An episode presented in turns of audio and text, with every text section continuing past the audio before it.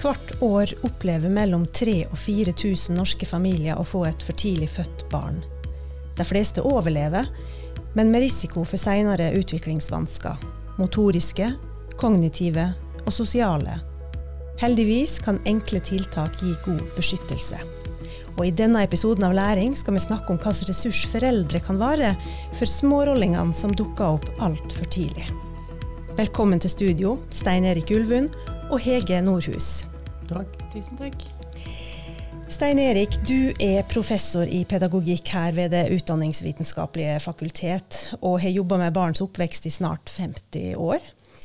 Mange kjenner det som eh, hele Norges barne- og foreldreoppdrager, vil jeg si. Fra God morgen Norge på TV 2, Norgesklasse på NRK P1, og ikke minst som forfatter av flerfoldige bøker om barns utvikling. De siste tiåra har du vært mest opptatt av det aller yngste og minste. Og du deltar nå i et banebrytende forskningsarbeid i Tromsø som følger for tidligfødte fra fødsel og fram til de er 16 år.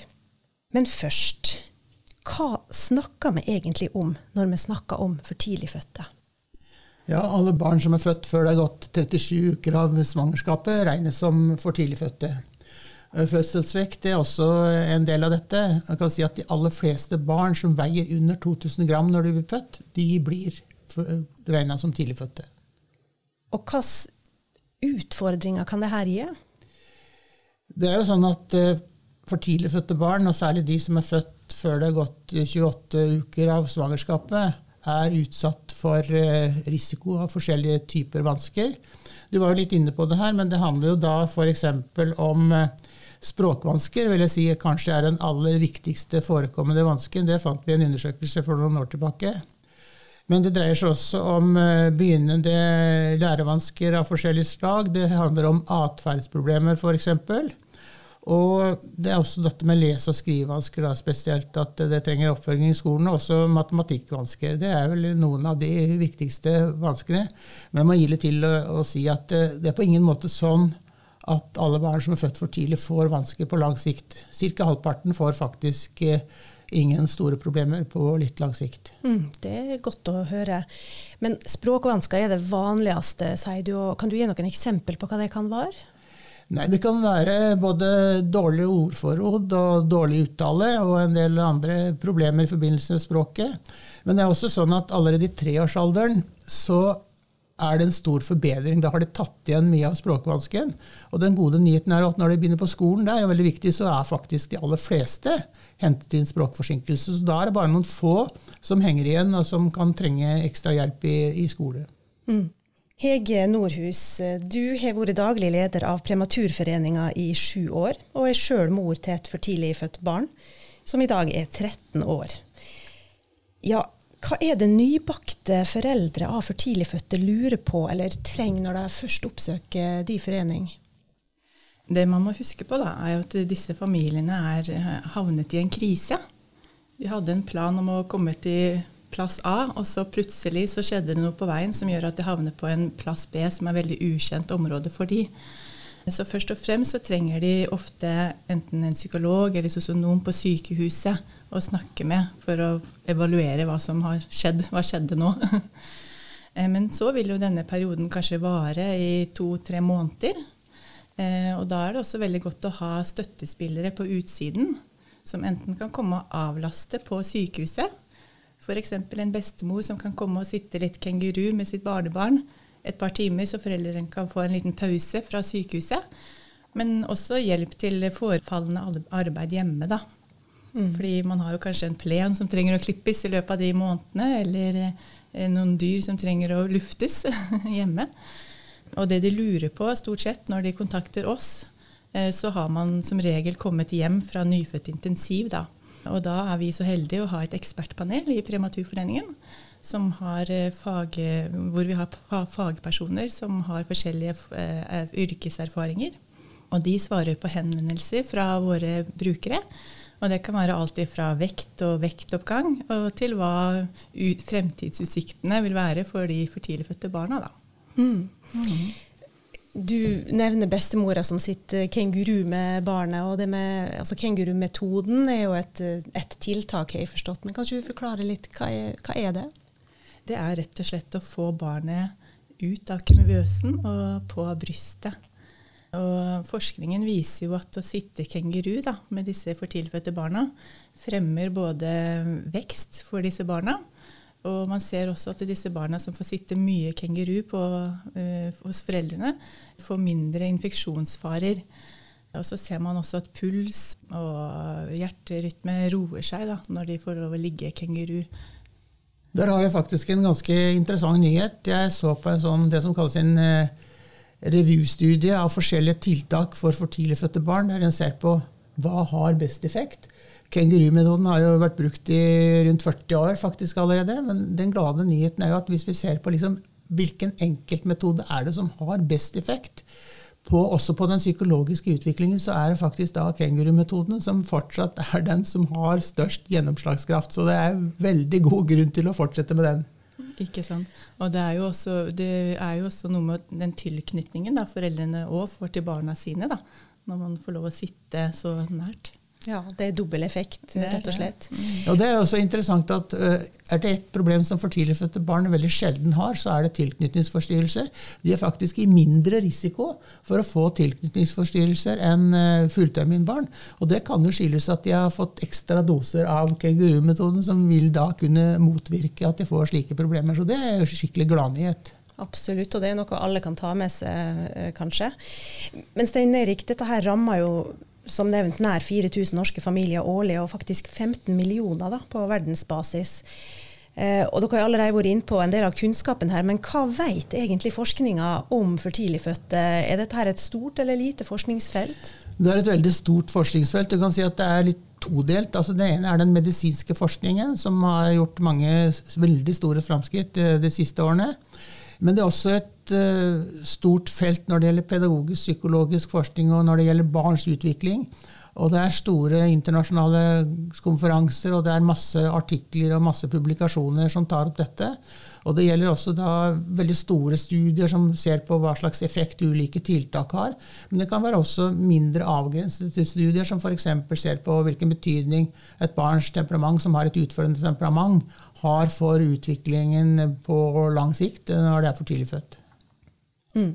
Det er et veldig stort, omfattende forskningsfelt. Og noe av det vi vet her i Norge, Hege, er jo at eh, familier med for tidligfødte blir på sykehuset i snitt i to måneder. Stemmer det? Mm. Eh, og hva skjer på det sykehuset? Hvor mye får de se barna sine, eller barnet sitt eh, i den perioden? Der òg har det jo vært en stor endring, da. Fra 13 år tilbake i tid, når jeg var på nyfødt intensiv, så var man mer på besøk hos barnet.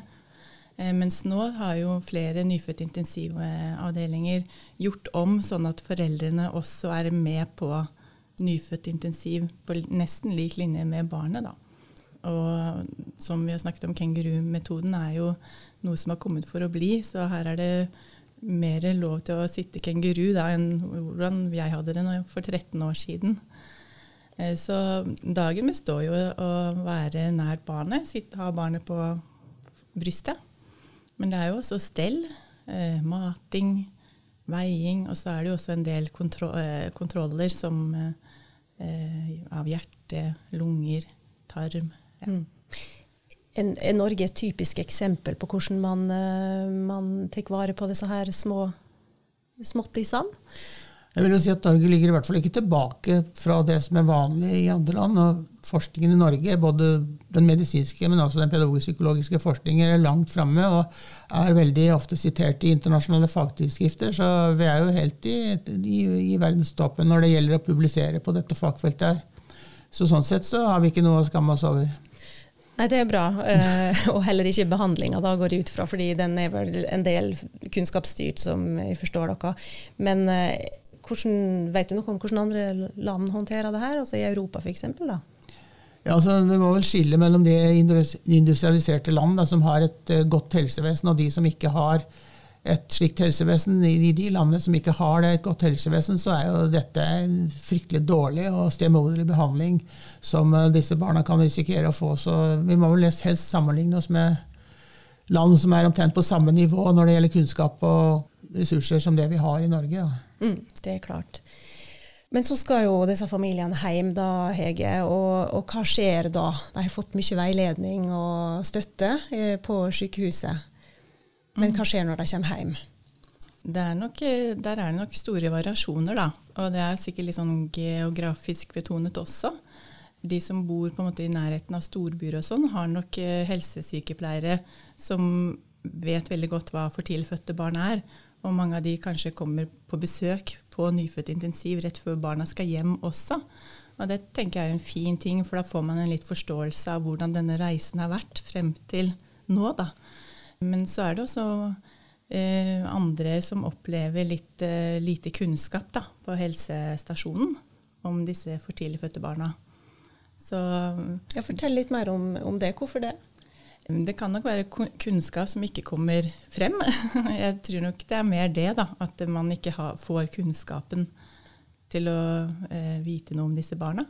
Og um, i Prematurforeningen jobber jo litt for å gi kunnskap ut, da. Så vi gir jo ut vår, eh, vårt medlemsblad, Prematurposten, til eh, helsestasjoner i Norge på mail, da, gratis. Fire ganger i året for å gi litt informasjon ut. da. Og Opplever du at de er interessert i det dere kommer med? Altså, ja, ja mm. det gjør jeg. Vi får mange tilbakemeldinger, og mange som ikke har hørt om oss, som eh, sender mail og ønsker også å være på den listen. Så de ønsker kunnskap. Det gjør de. Det er godt å høre. Mm. Vi skal snart gå inn eh, i eh, det Tromsø-prosjektet, Stein Erik. Men, men jeg vil dvele litt med foreldra på et litt generelt grunnlag først. Hvordan er det å bli mor eller far til et så sårbart barn? Hva er det det sliter mest med? Det, det, er jo først og fremst det store sjokket når dette skjer. Og i forlengelse av det så er det mye angst uh, knyttet opp mot dette, fordi det er en veldig uvanlig situasjon å være på en intensivavdeling med barnet sitt som er tilkoblet masse, masse utstyr. Det går alarmer hele tiden som kan virke skremmende på foreldrene. Så jeg kan si at uh, det er en, virkelig en, en brå overgang. Men jeg vil vel også mene at eh, når de kommer hjem fra sykehuset, og legene plutselig er borte, og sykepleierne er borte, og de er helt alene med barnet, det er vel kanskje den største overgangen som skaper problemer for foreldrene og skaper bekymring. At de føler seg ganske alene om omsorgen for barnet. Og Derfor er det utrolig viktig at de har tilgang på veiledning. Og sånn som prematuravdelingen også gir, men at det kanskje aller helst får besøk av en erfaren sykepleier eller annen fagperson som har greie på dette, og som kan hjelpe de til rette i hjemmesituasjonen med mating, søvn, hvorfor gråter babyen, hvordan skal jeg løse alle disse praktiske oppgavene. Det trenger de virkelig. Ja, Du har kalt det å være foreldre til et, sårbar, nei, til et for tidlig født barn som å sykle på en planke. Ja, det er som å sykle på en planke. fordi at en av de største utfordringene når det gjelder omsorgen for barnet, er å gi barnet god stimulering som kan fremme språkutvikling og sosial utvikling. Og da er det sånn at eh, mange foreldre tenker at nå har dette barnet ligget i kuvøse, vært på sykehus, nå kom veldig hjem, nå skal vi ta igjen alt det forsømte. Og det er et problem, fordi at da kan en bli veldig ivrig i foreldrerollen og tenke at nå skal, vi, nå skal vi virkelig stimulere dette barnet på en god måte. Og vi vet ganske mye om at eh, et av de problemene som for tidlig fødte barn har, det er at de blir overstimulerte. Og Derfor er det veldig viktig at foreldre får veiledning i hva er tegn på overstimulering. Hva kan de gjøre for å hjelpe barnet? Fordi at noe av det som for tidlig fødte barn også trenger, er fred og ro. Helt til å bearbeide sine egne sanseinntrykk. Og da er det sånn at det å sykle på en planke, sammenlignet med at du liksom faller utenfor enten på den ene eller den andre siden, enten så får de for lite stimulering, eller så får de altfor mye. Og hvordan du skal treffe den planken, det har jeg noen tanker om. Nettopp. Eh, Hege, er det her kjent for det? Ja, det er det veldig. Eh, jeg ga meg ikke ut på å synge nattasanger f.eks. på nyfødt intensiv. Selv om det var jo noe jeg hadde tenkt på, at dette gledet jeg meg til. da, Til å få et barn som jeg skulle vugge og synge litt for. Så når vi kom hjem, så kom, var nok den nattasangen på døgnet rundt. så det var på en måte over, At vi var de som overstimulerte barna når de kom hjem, det, ja, det kan jeg tenke meg at stemmer. Vi skal snakke enda mer om det her, Stein Erik, eh, og, og det du tenker om, om, om, akkurat å finne den balansen. da. Fordi um, Siden 1999 eh, har det pågått et stort arbeid med tidlig intervensjon ved Universitetet og sykehuset i Tromsø. Der studerer du og kollegaer hva som skjer når familier med for tidlig fødte barn får forskningsbasert veiledning før og etter utskrivelse fra sykehuset og senere tiltak hjemme. Dere følger nå 146 barn fra nyfødtperioden til de er 16 år, og har hittil robuste resultat fram til ungene er ni år. Ja, Vi skal snakke om overgangen, men aller først, hva skjer på sykehuset i den studien? Da er det sånn at uh, før utskrivelsen fra sykehuset så får foreldrene anledning til å ventilere sine opplevelser med det å få et for barn med en erfaren sykepleier. Og det går på liksom, hvorfor skjedde det, hva slags utsikter har det, er det noe spesielt med mitt barn, osv. Når det er igjen syv dager før utskrivelsen, så følger da denne sykepleieren opp med én times leksjon, der en går inn på forskjellige sider ved det å være forelder til et for tidlig fødte barn, som handler bl.a. om hvordan du kan observere når barnet blir overstimulert, om barnet f.eks. fryser, hva du kan gjøre for å roe barnet når det gråter osv. Det går mer på sånn veldig sånn praktisk omsorg for barnet. Og det går både på omsorg og det å stimulere barnet. Og da får de altså syv dagers veiledning av én times varighet. Og så fikk de da fire hjemmebesøk etter én uke, etter to uker, ett etter fire uker og ett etter åtte uker. Sånn at når det har gått tre måneder, så var hele tiltaket avsluttet. Og da fulgte en da opp det samme. Det viktige var å trygge foreldrene på at de kunne takle sitt og lese sitt eget barn og vite hvilke tiltak de skulle iverksette i forskjellige situasjoner. Og det gikk konkret inn på å akseptere barnet fordi at veldig mange for tidligfødte barn er urolige. De er utfordrende å være foreldre til. De gråter mye. og det, det, er, det er en kjent sak at du kan bli trøtt og sliten og irritert. Og de får da konkrete tips til hvordan de kan roe barnet på en god måte, slik at uh, hverdagen går bedre. Men det er viktig å si at hele tiltaket var da avsluttet etter tre måneder. Og så så vi på effekten av det uh, framover i tid. Og det er ved spørreundersøkelser da seinere? Ja, det er ikke bare spørreundersøkelser. Altså, vi har da to grupper barn. Det er veldig viktig å si. Altså, 146 barn blir for, til, for, for tidligfødte barn blir fordelt på to grupper. Den ene gruppen fikk da det tiltaket som jeg nettopp nå har beskrevet. Og den andre gruppen, som var ganske lik, da, det er tilfeldig fordelt på de to gruppene, fikk sykehusets standardtilbud. Og så hadde vi i tillegg til det 75 barn eh, som var fullterminbarn, sånn at vi hadde to kontrollgrupper, én fulltermingruppe og så én gruppe som bare hadde fått sykehusets standardtilbud.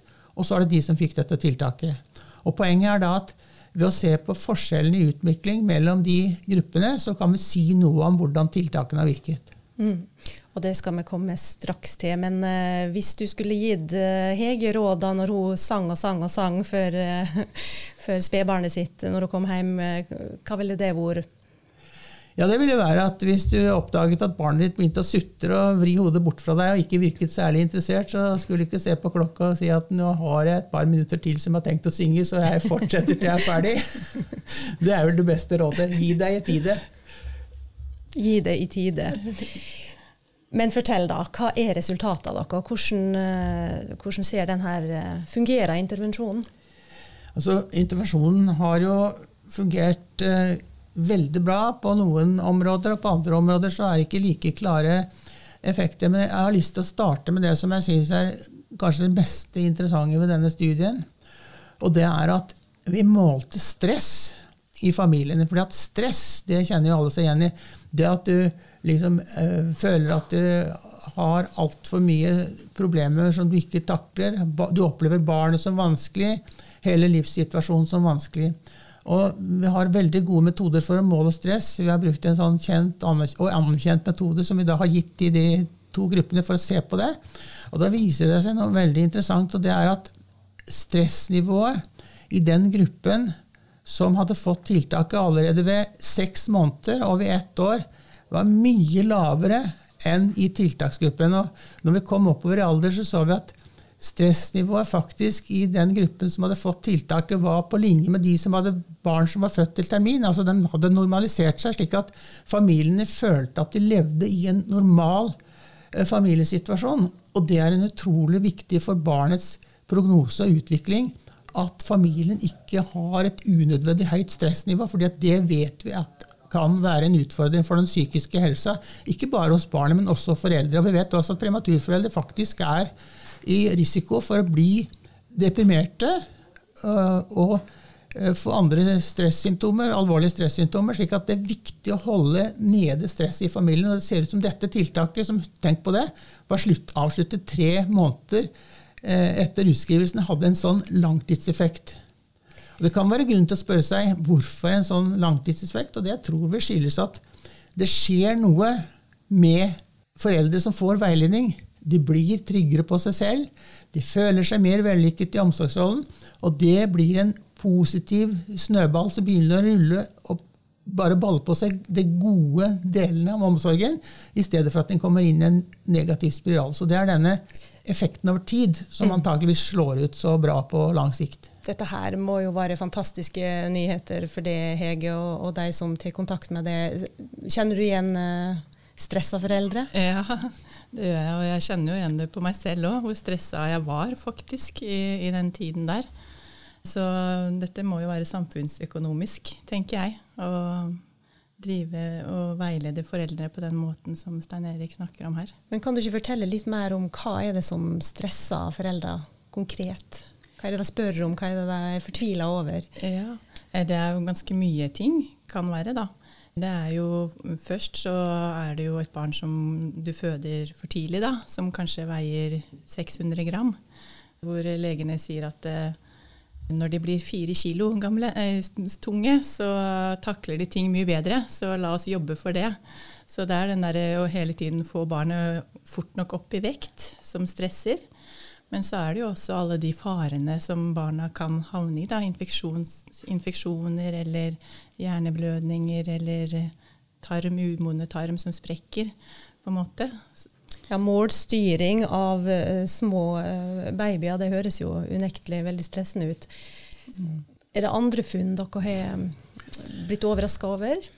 Nei, Vi er ikke så overraska, men vi har altså da ganske gode eller tydelige funn når, når det f.eks. gjelder atferdsproblemer. Både inagerende atferd, altså at det barnet blir i verste fall deprimert innadvendt, og utagerende atferd, at det er utagerende. Altså Det er veldig tydelig forskjell. Den blir tydeligere og tydeligere jo mer vi kommer oppover i alder. Og også på dette området, når vi er oppe ved sju til ni års alder, så kan vi si at forekomsten av atferdsproblemer av typen oppmerksomhetsproblemer, ADHD-problematikk, lærevansker som en følge av det, er omtrent på samme nivå i tiltaksgruppa som den er i den fulltermin kontrollgruppa. Så det er jo egentlig et veldig oppsiktsvekkende funn. Og de lærerne, lærerne er altså blitt spurt og De visste da ikke hva slags gruppe barnet tilhørte, og de sa at de barna som hadde fått tiltaket, de var bedre tilpasset skolesituasjonen og var lettere, hadde ikke spesielle problemer i, klasseromssituasjonen. Eh, de skilte seg ut fra de som, som ikke hadde fått tiltaket, rett og slett. De, de var, hadde ikke noe påfallende atferd. Og vi finner også bedre intellektuelle ferdigheter Resultatene er ikke fullt så, så tydelige på det, men etter fem år så er det langt flere barn som har fått tiltaket som scorer innenfor normalområdet når det gjelder intellektuell utvikling. Og ved ni år så rapporterer også at de som har fått tiltaket, altså når det gjelder skoleprestasjoner, og lærerne fortsatt har uvitenhet om at de har fått tiltak, de presterer bedre, har bedre skoleprestasjoner faktisk, enn de som ikke har fått tiltaket. Så jeg må si at uh, funnene har ført et langt skritt videre når det gjelder hva vi vet vi kan gjøre for å forebygge uh, utviklingsproblemer. For det er jo det som er hele poenget med dette prosjektet. at Er det noe smart en kan gjøre for å forebygge at ting baller på seg underveis? Mm. Og nå har vi mye mer kunnskap om det. Hva skjer med den kunnskapen da? Er den, eh, er den der ute i alle kommunene i landet og med skolene? Helsestasjoner osv. Har du inntrykk av det, Hege? Uh, nei, kanskje ikke helt ennå. det er fortsatt en uh, vei å gå. Mm. Så, Har du forventninger til det?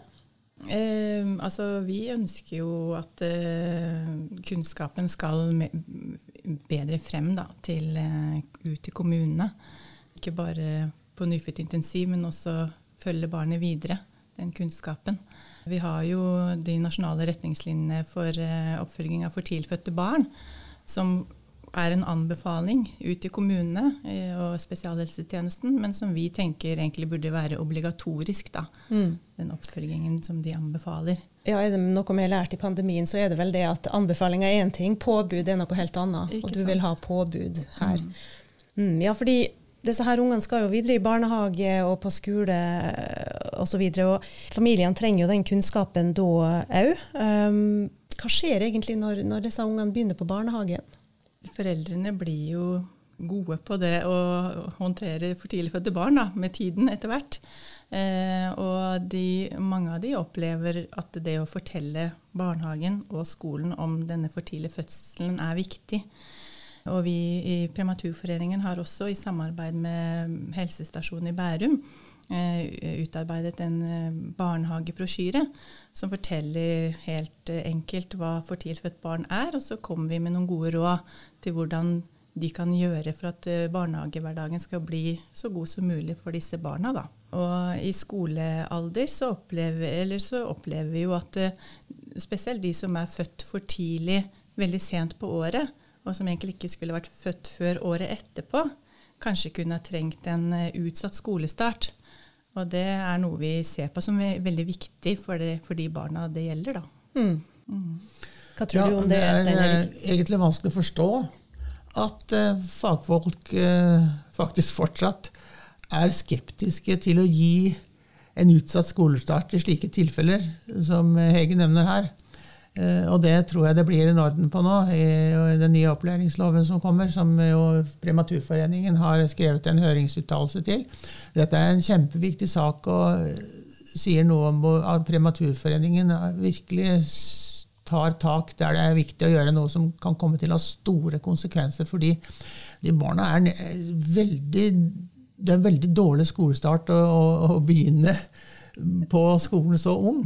Og jeg trenger nesten ikke være fagfolk. Dette er ren logikk at dette burde kunne bli mye lettere, og at fagfolk i dette tilfellet her faktisk burde høre mye bedre på, på foreldrene og stole mindre på seg selv. Altså det, har, de har virkelig lyttet til foreldre i dette tilfellet. Hvis de mener at det er nødvendig med utsatt skolestart, så er det sannsynligvis det.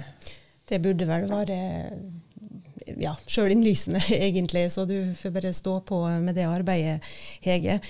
Stol på foreldra. De kjenner ungene sine best.